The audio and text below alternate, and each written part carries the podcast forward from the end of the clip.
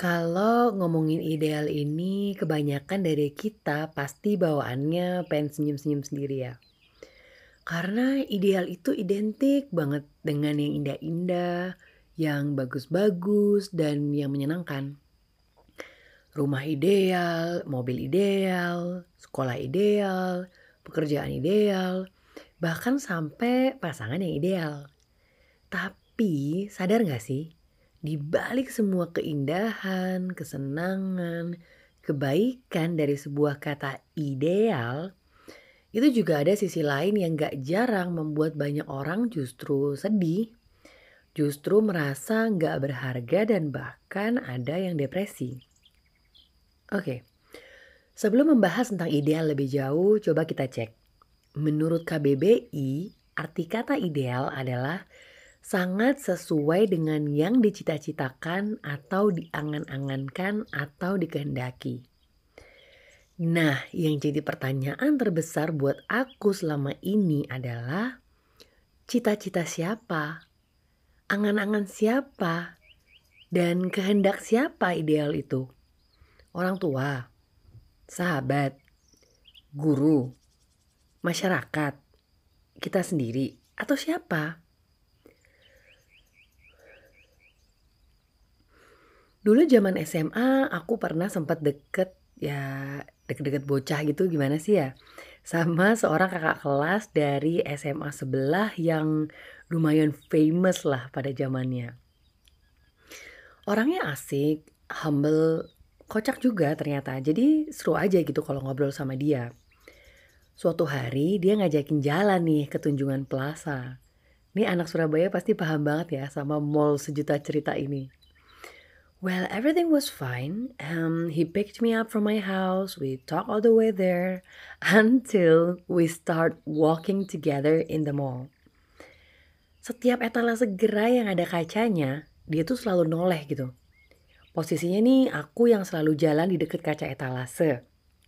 Nah dia yang di um, sebelah kananku gitu. Aku sih biasa aja awalnya, kirain ya kan eh namanya anak remaja lah ya tiap ada kaca bawaannya tuh pengen ngecek-ngecek gitu. Nah, tapi lama-lama gerak-gerik itu mengkhawatirkan bun. Suka berhenti bentar gitu loh, kayak bener-bener mau ngecek sesuatu. Tapi sering. Akhirnya aku ikutan berhenti. Dan ikut lihat di pantulan kaca ada apa sih sebenarnya. Terus dia bilang, Ih, kamu tuh tinggi banget ya ternyata. I was like, Uh, okay, I took that as a compliment and say thanks. Selang beberapa gerai toko, dia berhenti lagi dan bilang, Ih, tuh lihat deh. Bedanya jadi lumayan gitu sama aku. Nada suaranya tuh mulai tidak terdengar seperti komplimen, tapi lebih ke komplain gitu. Tapi aku cuma nyengir aja. Dan sekitar 20 menit kemudian, dia itu berhenti lagi di depan kaca dan bilang, Kamu tuh kayaknya nggak normal deh ya. Masa cewek tinggi banget? Idealnya cewek tuh segini. Sambil nunjuk atas telinganya. Kalau kejadian itu adalah cuplikan sinetron Indosiar, kamera ini udah zoom banget nih ke mukaku. Sambil ada bunyi petir yang menyambar di siang bolong, ditambah lagunya Rosa yang ku menangis. Nggak tapi seriusan, sedramatik itu dulu rasanya dibilang nggak normal karena tinggiku. Karena itu adalah sesuatu yang aku nggak bisa pilih gitu ya dan nggak bisa aku ubah.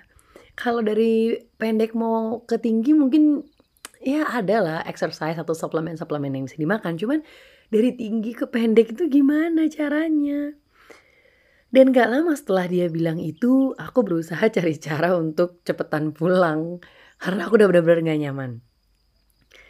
Untuk beberapa bulan, aku yang bener-bener down banget sama kata-kata itu. Jadi ke flashback semua kejadian pas kecil sebagai anak yang paling tinggi di kelas. Baris harus paling belakang, duduk di kelas juga paling belakang karena nanti menghalangi teman yang di depan.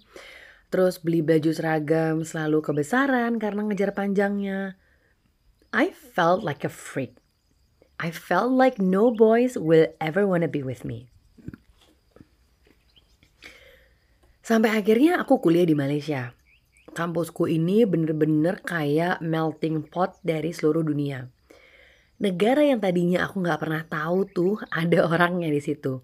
Botswana, Namibia, Eritrea, Tajikistan, Turkmenistan, Azerbaijan, all the iya and the ton. Guess what? Mereka semua tinggi-tinggi. And I'm talking about the girls ya, not the boys. Belum pakai heels aja tuh, mereka udah lebih tinggi dari aku. Cowoknya ya lebih tinggi lagi pasti. Ada yang bahkan aku sampai harus ngedangak gitu kalau ngobrol. So, I'm not a freak after all. Bukan aku yang ketinggian. Bisa jadi justru malah mas itu yang kependekan untuk ukuran laki-laki yang ideal. Sama halnya kayak hidup yang sedang aku jalani sekarang. Yang sedang kita jalani sekarang. Banyak banget orang yang mungkin mereka nggak tahu, tapi punya habit bikin orang sedih dengan kata ideal. Mereka bilang ke aku atau aku dengar mereka ngomong, idealnya umur sekamu nih sekarang udah nikah dan punya anak loh nya. Atau idealnya umur sekamu nih udah punya rumah dan mobil sendiri. Atau idealnya ya 55 kilo lah berat cewek itu biar kelihatan bagus badannya. Dan masih banyak contoh ideal yang lainnya. Pertanyaannya, itu kehidupan ideal versi siapa? Ibu dan bapak yang membesarkan aku dari kecil aja tuh nggak pernah bilang kayak gitu. Berarti itu bukan ideal versi keluargaku. Ya mungkin itu ideal versi keluarga mereka. Nah, apa hubungannya keluargaku dan keluarga mereka? Kenapa kita jadi harus sama satu timeline?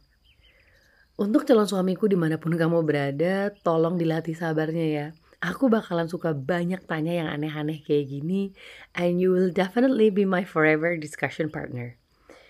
Oke, okay, aku contohin yang lain ya. Kita. Yep. Diri kita sendiri yang bikin-bikin perkara kadang. Entah habis nonton apa atau habis ngobrol sama siapa, tiba-tiba mikir. Idealnya kehidupan rumah tanggaku itu sekarang ayem, romantis, suamiku pengertian, bukannya kayak sekarang gini. Atau idealnya anakku tuh udah bisa masuk SD, bisa baca tulis lancar, pinter. Tapi ini diajarin kok, yuk nggak ngerti-ngerti. Atau idealnya di umur pernikahanku yang segini tuh aku udah punya anak dua atau bahkan tiga. Jangankan dua, satu aja nih belum ada. Atau terakhir nih, idealnya di umur segini aku tuh udah nikah, udah punya anak. Nah ini sampai detik ini calonnya aja belum ada. Pertanyaanku sama, itu kehidupan ideal versinya siapa? Terinspirasi dari mana? Dari sinetron, drakor, selebgram, youtubers, apa siapa?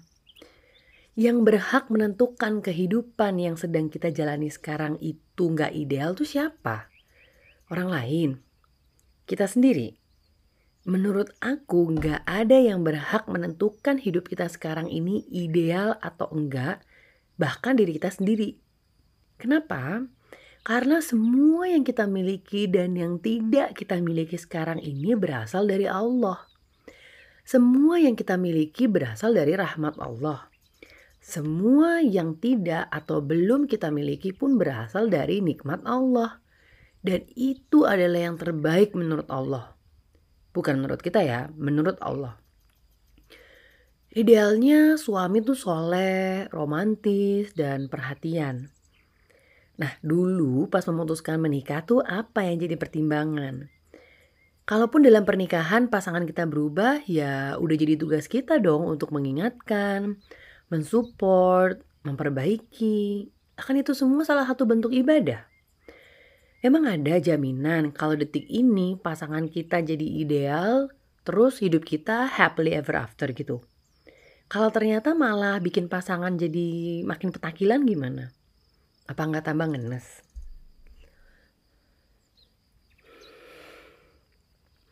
Idealnya anak tuh udah pinter baca tulis di umur segini. Coba dilihat lagi, setiap anak pasti ada kelebihannya. Baca tulis bukan satu-satunya tolak ukur untuk kebaikan dan kebahagiaan anak. Emang ada jaminan kalau detik ini anak kita pinter baca tulis terus dia jadi anak yang bahagia? Yang soleh soleha? Yang baik? Kalau ternyata si anak malah depresi atau jadi sering tantrum gimana? Idealnya usia pernikahan segini tuh udah punya anak. Kalau dua-duanya sama-sama dinyatakan sehat dan mampu untuk punya anak, udah berdoa dan berusaha semaksimal mungkin, dan kalau masih belum hamil juga ya mau gimana? Anak itu bukan satu-satunya cara untuk mendapatkan kebahagiaan dan keberkahan loh dalam rumah tangga. Emang ada jaminan kalau detik ini punya anak terus rumah tangga jadi semakin bahagia dan tentram? Kalau malah makin berantakan karena ternyata sama-sama belum siap secara mental menghadapi bayi gimana? Idealnya umur seaku ini udah menikah. Kalau udah berdoa dan ikhtiar semaksimal mungkin, tapi jodoh masih belum juga datang, siapa yang bisa disalahin? Emang ada jaminan kalau detik ini menikah, hidupku bisa jadi lebih berkah? Kalau malah akhirnya berantem terus tiap hari karena pertimbangan menikah dulu udah keburu-buru umur doang, gimana? Apa berkah pernikahannya? Sorry if I sound too personal and a bit emotional because I've been there before and seen people throwing their life away over this word ideal. Well, what I'm trying to say is hidup yang ideal itu bukan tentang yang begini atau yang begitu. Karena itu adalah apa yang society ajarin dan apa yang dibentuk sama society. Hidup ideal itu juga bukan tentang apa yang kita mau atau apa yang kita harapkan. Karena kita sendiri juga nggak tahu apa yang terbaik untuk kita.